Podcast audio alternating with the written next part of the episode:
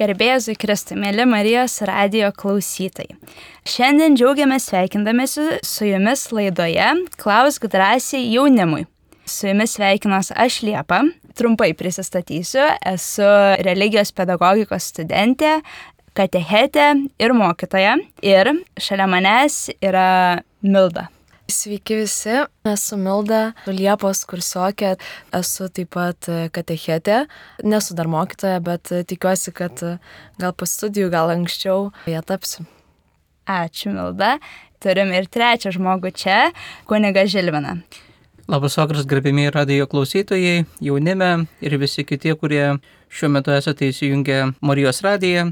Esu kunigas Žilvinas iš Baptų, Panevežiuko parapijų klebonas mane pakvietė Liepa į šią laidą, kuri mūsų parapijoje, Baptose, ruošia vaikus pirmai komunijai, jaunimo sutvirtinimo sakramentams. Ir taip pamažu mes vedame tą jauną kartą link viešpaties, kad jie priimtų šventuosius sakramentus. Ačiū. Ir šiandien susirinkome čia, kad atsakytume į jaunimo klausimus. Į klausimus, kurie guli jų širdelėse, kurie jiems yra aktualūs ir įdomus. Jie turėjo galimybę juos užduoti, šiandien mūsų darbas bus į juos atsakyti.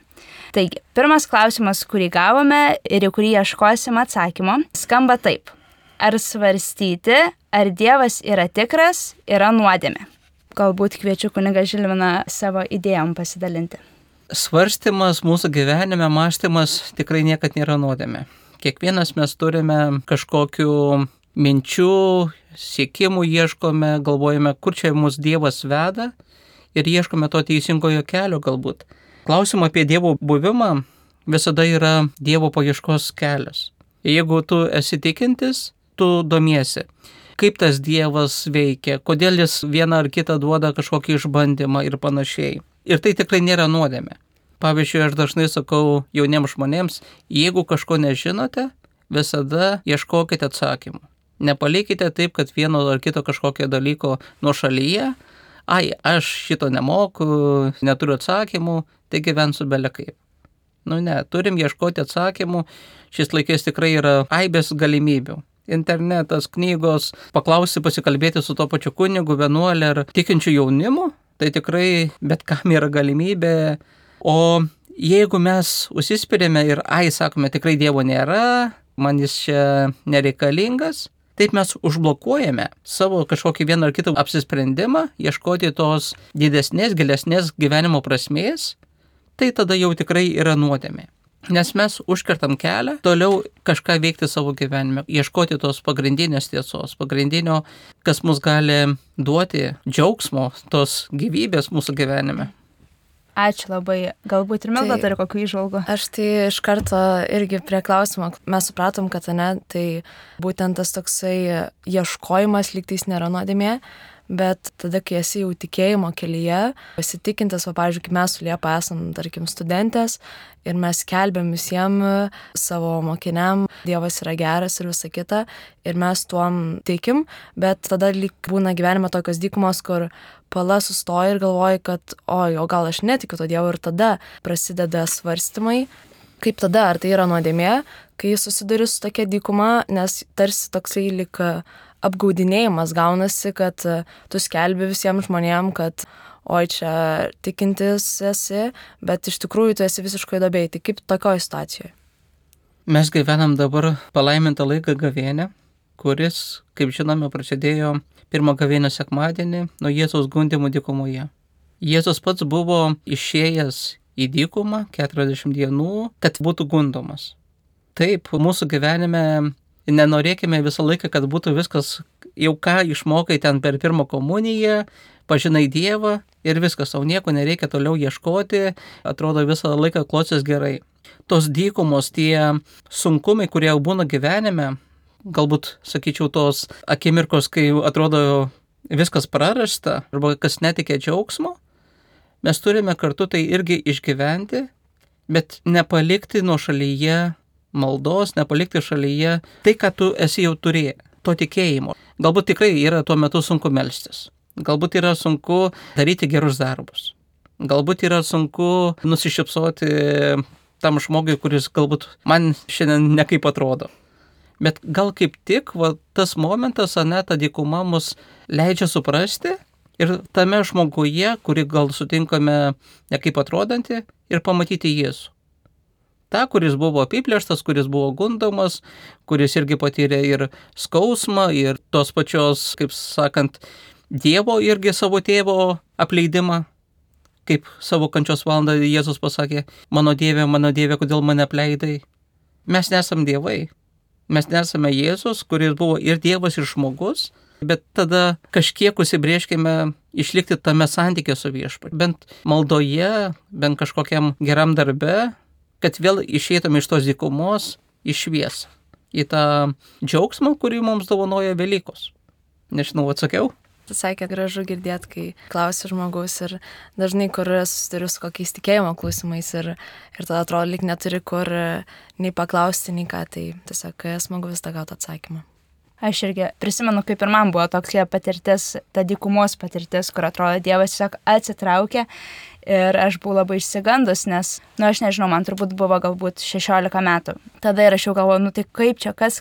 Ir tuomet man padėjo mama išsiaiškinti, kas yra dykuma, kaip su tuo elgtis ir ką su tuo daryti. Tai e, labai gera, kad dabar jūs klausytojai galite gauti atsakymą ir galbūt nusiraminti savo širdise ir galvoti, ai, nu tai ne viskas galbūt yra prarasta. Judant toliau, buvo iškeltas prašymas pasidalinti, kokio gyvenimo įvykio sukūrėje kiekvienas iš mūsų galbūt nepasitikėjom Dievu. Kokia buvo ta situacija, kai galbūt pritruko jėgų pasitikėti Dievu ir galbūt išsigandom kažko ar panašiai galėčiau ir aš, pavyzdžiui, pasidalinti, nes tokių situacijų nepasitikėjimo Dievu mane, kada jos labiausiai ištinka, galėčiau sakyti, tai yra, kai pasidaro labai sunku. Vienu tokiu požiūriu atrodo, tai kai sunku, reikia ir labiausiai šauktis Dievo, jam viską patikėti ir neišsigasti, Bet būdama žmogus su nuodėme, su tokiu šlubuojančiu santykiu su Dievu, man kartais yra sunku tose ypatingai sunkiose situacijose kreiptis į Dievą. Ir tikrai šitą nešiojas, kad kai ištinka kažkoks toks bum gyvenime, kur nesitikėjau, arba viskas labai neįvyko pagal mano planą, čia svarbu paminėti, kad mano planas su Dievo planu ne visada būtinai sutinka, tą išmokau su laiku. Dabar galbūt jau tokių nepasitikėjimo momentų yra mažiau, bet kai jie ištinka, dabar mokausi. Nesakyti, nu tai Dieve, čia jau viskas, viso gero. Tu nepadarai taip, kaip aš norėjau, tai man netinka. Kaip tik tokius momentus aš priemu kaip dovana ir galvoju, gerai, dabar viskas labai negerai, bet Viešpats mane globoja, jis mane myli, jis mane pasirinko ir jis mane įgalina daryti dalykus. Tai reiškia, nusiraminam, dažnu atveju padeda įkvėpti oro ir varyti toliau. Tai tose sunkiose akimirkose aš jau dabar stengiuosi kvepuoti ir galvoti gerai viešpatė, tai kogi tu iš manęs nori. Aš galbūt iš savo patirties norėčiau pasidalinti. Nuo septynių metų aš pradėjau patarnauti bažnyčiai, kunigui ir apie tai žinojo mano du klasiokai. Baigęs 10 klasių aš įstojau Kauno vieną iš profesinių mokyklų Ir um, su vienu klasioku, kuris nuo pirmos klasės, su kuriuo mokėmės ir ten jis irgi kartu įstojom, geriausi draugai esam. Ir prieš Velykas, per verbų sekmadienį, toj bažnyčiai, kur aš patarnaudavau, atėjo kitas kursiokas, kuris nežinojo, kad aš patarnauju mišiuose.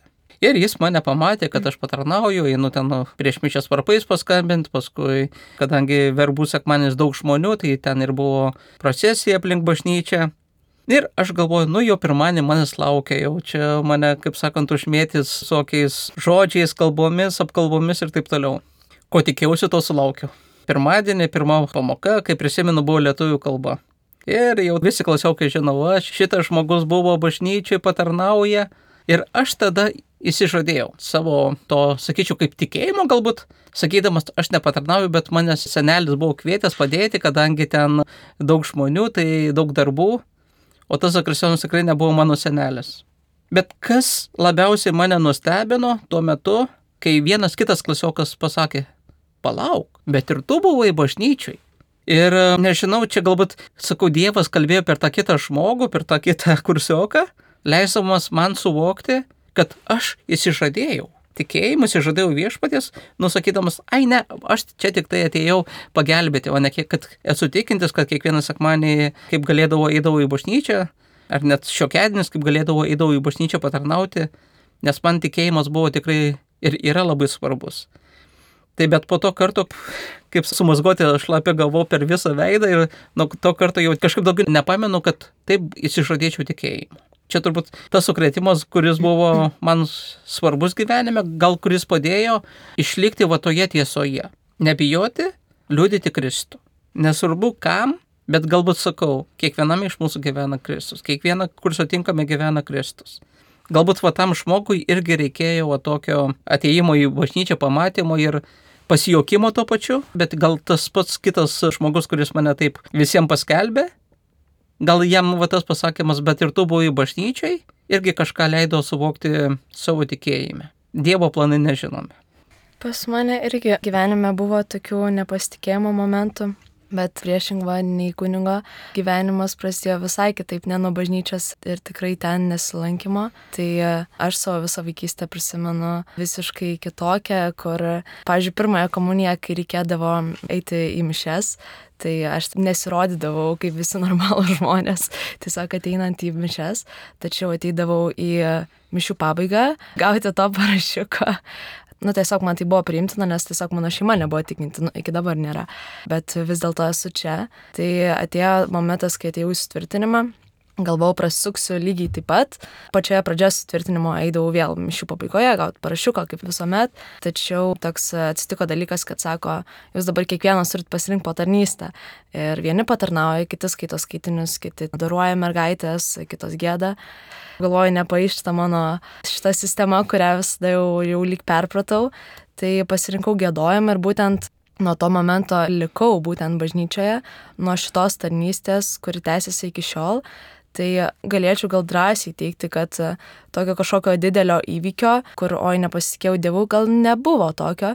Jis tiesiog mano gyvenimo pradžioje galbūt ne, nebuvo iš viso dievo, tai galbūt čia buvo tas toks pagrindinis etapas mano gyvenime, kur to pasitikėjimo nebuvo visiškai, o daugiau tai yra tiesiog kasdienybėje tas nepasitikėjimas visiškoje, kur visada žinai, kad aš žinau geriau, ne Dieve palauk, aš žinau geriau, Tai aišku, sunku pasitikėti kartais būna, nes gyvenam tam materialiam pasaulyje, kur atrodo gali ten Dievą ar tai Dievo žodį paskaityti, ar tai dar kažką, bet va taip, va, kad gyvai pasikalbėt va, su Dievu, taip va, kaip su žmogum. Taip nėra adoracija, aišku, bet toksai gyvo tokio pokalbio kaip va su žmogum tai nėra. Tai tokio nepasitikėjimo visada kyla ir pagundų begalės būna, kur nepasitikė Dievu, bet aišku, dabar, kai studijuoju religijos pedagogiką, tai turbūt visas mano gyvenimas yra apstudijavo, tai mažiau tų pagundų, bet tokių būna. Tai turbūt supratom, kad nesvetima tema turbūt daugumai katalikų, daug kas ne yra išgyvenę kažkokį nepasitikėjimą dievu kažkokioj situacijai.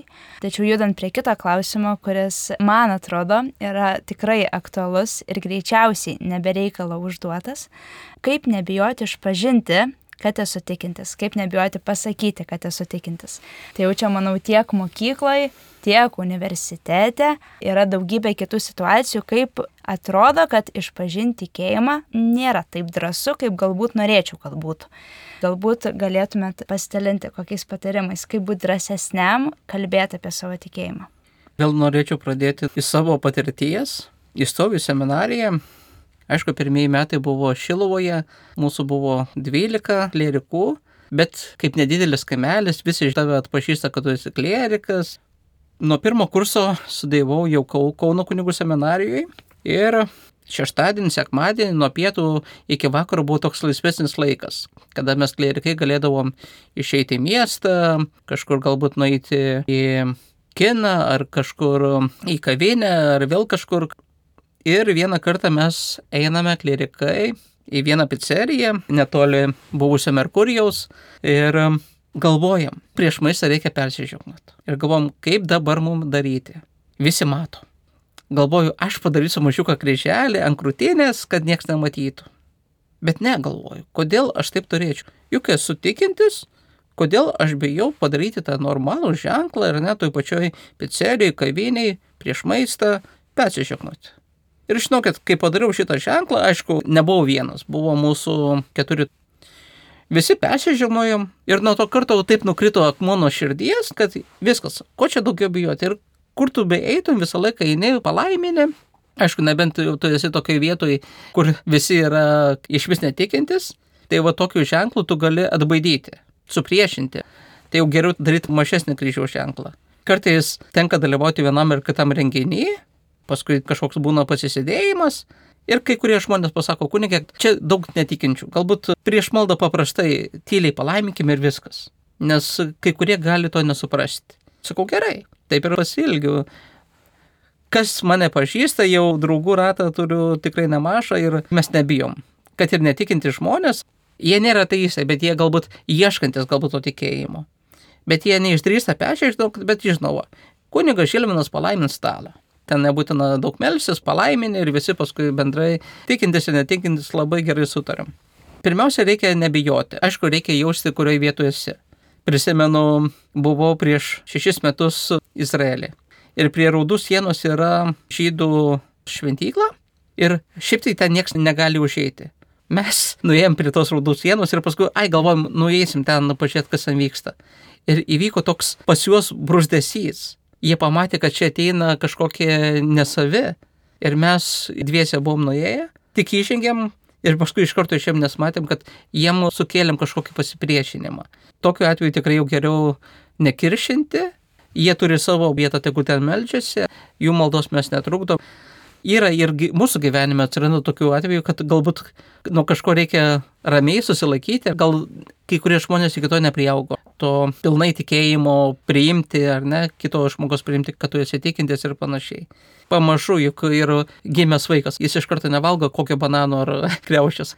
Jis iš pat pradžių valgo mamos pieną, paskui pamažu auga, auga, kol gali paimti ir valgyti tą bananą ar kreušę. Taip ir tame tikėjime mes vieni galbūt esame kūdikiai, kiti galbūt jau esame tie, kurie jau pradedame ropliuoti, kiti galbūt jau yra pradėję vaikščioti. Tai man asmeniškai šitas klausimas yra labai artimas. Kaip tik buvau ta mokinė, kuri apie savo tikėjimą kalbėjo labai garsiai. Ir greičiausiai buvau ta, kuri supriešindavo. Kad esu tikinti, turbūt žinojo visi. Bet kaip aš tai pateikdavau? Mes turėdavom klasėje tokias diskusijas. Liepa, aš ir mano labai satanistas klasiokas, tai reiškia netikintis niekuo, galbūt linkęs iškelti velnę kaip kažkokią aukštesnę jėgą, turėdavom diskusijas. Gali iškelt klausimas, ar aš 8-7 klasiai turėjau žinių diskutuoti tokiais rimtais klausimais. Iškart galiu prisiduoti, kad ne.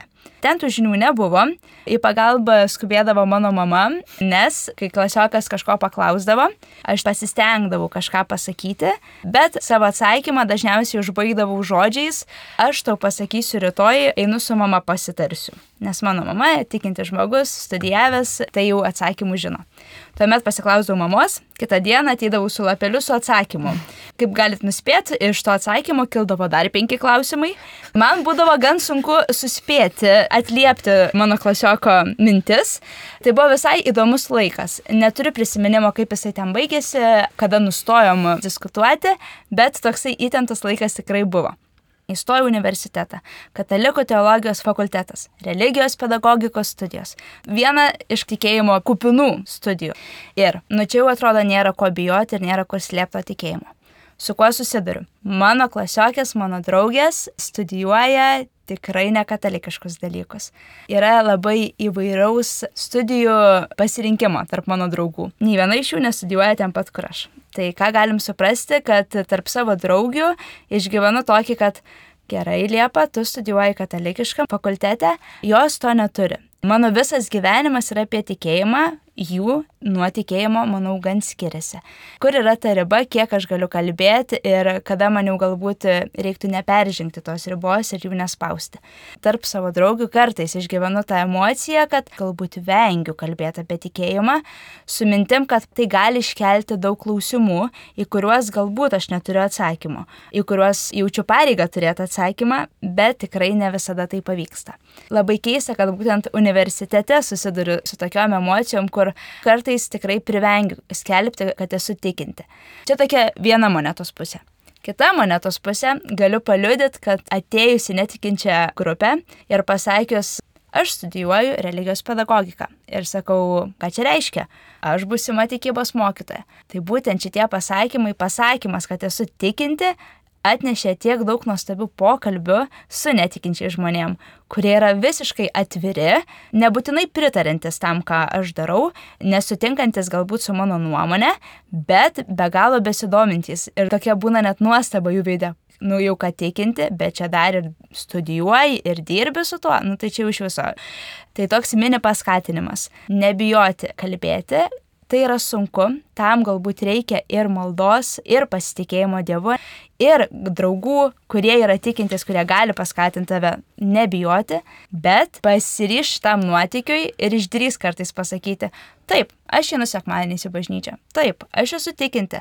Ir pažiūrėt, kur toksai pasakymas gali nuvesti, nes kartais tai gali tapti labai gražaus pokalbio pradžia, aišku, neužsidėkime rožinio akinių. Tai gali tapti ir visai nemalonaus pokalbio pradžia, bet mes kaip katalikai turim tokią kaip pareigą žiūrėti meilę ir galbūt su meilė žmonės ir nespausti, bet pasidalinti savo patirtimi. Tai jeigu turit kažkokią katalikišką patirtį, galbūt kažkas mišiose jums labai patinka, tai kviečiau nepamokslauti žmonėm, tau privaloma įti šventas mišes, kitaip tau bus labai blogai. Bet pasidalinti savo patirtim ir pasakyti, aš einu sekmadieniais ir man labai patinka. Ten gražiai gėda, išgirstu labai įdomių minčių, išeinu ramesnis, labiau prisipildęs vilties, džiaugsmo. Tai va, tai dalintis tokiais dalykais. Ir taip po truputį auks ta drąsa kalbėti vėliau ir apie rimtesnius dalykus. Bet geriausia, manau, pradžia yra stengti susirinkti savo patirties ir liudyti, pasakot, o kaip man yra, o kaip aš jaučiuosi. Ir tai, kai mažais, mažais žingsniukais judėti link kažko daugiau galbūt ateityje. Kai atėjau į tvirtinimą, tai prasidėjo tas mano tikėjimo kelias ir pasikeitė mano draugų kompanija, kur susiradau būtent to išlovinimo grupiai, be galo daug draugų.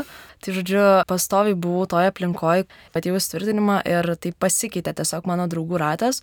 Ir tokioje aplinkoje, kurioje mes gėdam Dievui, kurioje mes tiesiog mokomės apie jį, tai nebūna kažkaip ir sunkumu, bent jau man niekada ir nekilo išpažinti, kad esu tikinti ar tai dar kažką kai atėjau į gimnaziją, galiu pasidžiaugti savo nuostabiam draugiam, kurios labai ramiai priėmė, kad tai tikinti esu, tai niekada ir negavau kažkokio ar tai patyčio žodžio, kažkokio ar tai dar kažką.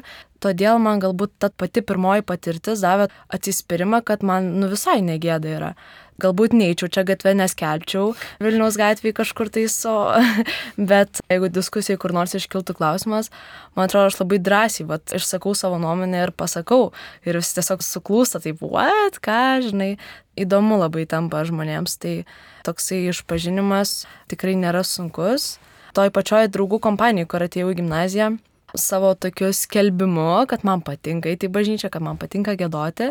Aš net prikviečiau dvi nuostabas draugės eiti į sutvirtinimą. Tai čia vieni pliusai, man atrodo. Labai gražu, kaip gali mūsų pasidalinimas padaryti įtaką ne net ir kitiems žmonėms. O turbūt neatsiejama tikėjimo dalis turėtų būti Biblija. Tai turim klausimą, kur paprašė pasidalinti, koks Biblijoje aprašomas įvykis jums labiausiai įsimena ir kodėl? Ilgą laiką man kažkaip buvo frazė iš Samuelio gyvenimo, kai Samuelis gyveno pas Elį ir Dievas prakalbino Samuelį, Samuelį. Tas berniukas atsakėlė, eina pas Elį, sako, aš čia juk šaukiai mane. Sako, eik vaikelį mėgoti, aš tavęs nešaukiu. Antrą kartą šaukė, Samuelį, Samuelį. Sako, aš čia, nu, eina, eik mėgoti. Trečią kartą vėl tą patį viešpas prakalbino Ir Elis jau tada suprato, kad berniuką kalbino Dievas. Ir sako, jeigu tave prakalbins, sakyk, kalbėk viešpatė, tavo tarnas klauso. Ir Dievas jį prakalbino vėl Samuelį. Ir nuo to momento Samuelis tapo kupinas šventosios dvasios. Ir jis gyveno viešpatės malonėje. Tai šitą Evangelijos vietą man labai ilgą laiką buvo gyvenime labai svarbi. Vis galvoju, kaip mane Dievas pašaukė. Sakyčiau, kad nuo tikro savo pašaukimo aš bėgau nes galvoju iš karto baigus profesinę stoti seminariją, nes buvo toks troškimas, tais metais nestojau. Ir kaip pasakau, Dievas mane pagavo laukuose. Tiesioginė prasme. Pavasaris darbinau su tėčiu vienoje žemės ūkio firmoje. Tėtis, kadangi buvo šalkalvis, tai ėjo prie agregatų dirbti, o aš kaip pagalbinis, tai važiuodavau į laukus, ten reikėdavo rinkti iš laukų akmenis, paskui rodyti traktoriui, kur važiuoti, barstydavo ar purkždavo laukus. Aš esu kaimo žmogus, kaimo vaikas ir man gamta labai faina. Jeigu randu laiką, visą laiką aš tik gamtoj būnu. Tai laukuose man viskas buvo gerai ir paskui, kai baigėsi laukuose darbai, perkelė mane į grūdų sandėlį. Reikėjo išvalyti tuos senus aruodus, kad paruošti naujam derliui. Ir ką jūs galvojat, padirbau porą valandų, man iš karto temperatūra 40. Nu kur aš toliau dirbsiu? Grįžtu namo po valandos, temperatūra be vaisų, be nieko, viskas atsistoja į savo vietas. Antrą dieną vėl tas pats. Nu, kažkokia alergija. Gerai, einu pas gydytoją, gydytoja davė nedarbingumo pažymėjimą. Ir per tą savaitę aš susitvarkiau, įstojau į seminariją, į egzaminus išlaikiau. Ir sakau, taip, Dievas mane tikrai pagavo laukuose.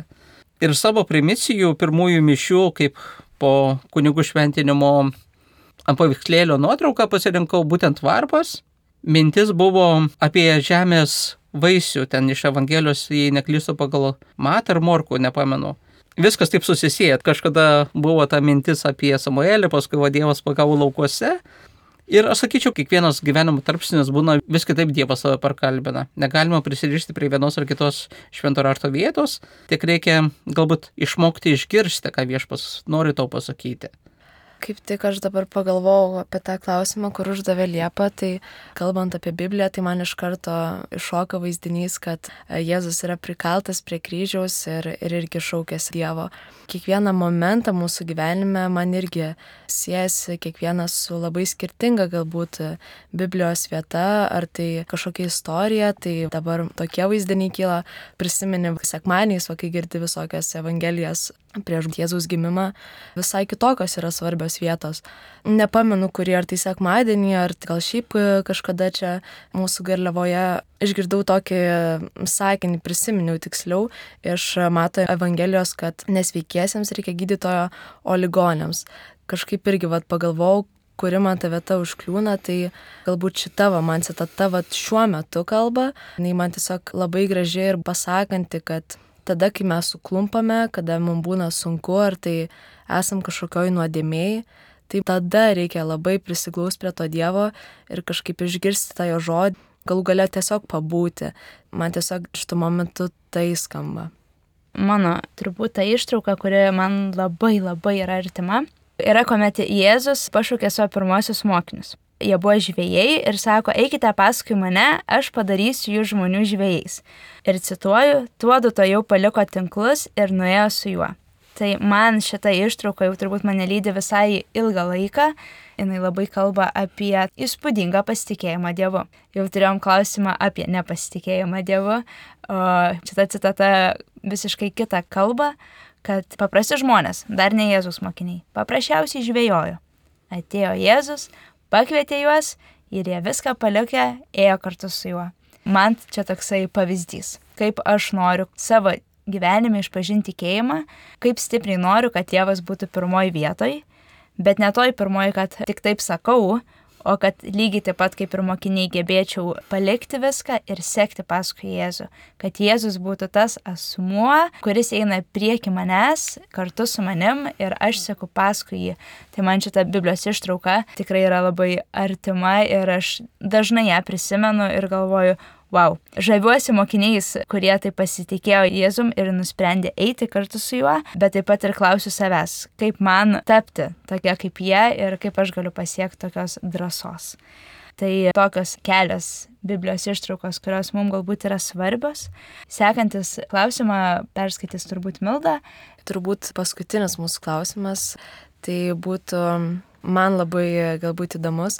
Prieš pokalbį sako Liepa, aš šitą klausimą bijau, bet galvoju, panarpliokim šitą klausimą, tai jisai skamba, ar skaitosi, kad padarai nuodėmę, pavyzdžiui, nusikeikiai ar apkalbėjai, bet pasakėjai tik mintise, o ne garsiai. Toks klausimas.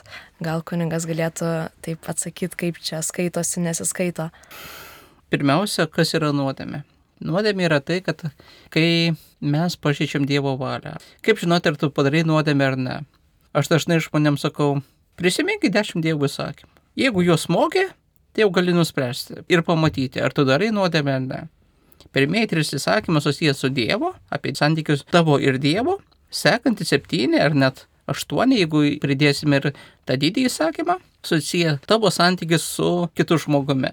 Pirmiausia, apkalba, ar ne? Kas yra apkalba? Kai tu žmogų apkalbė.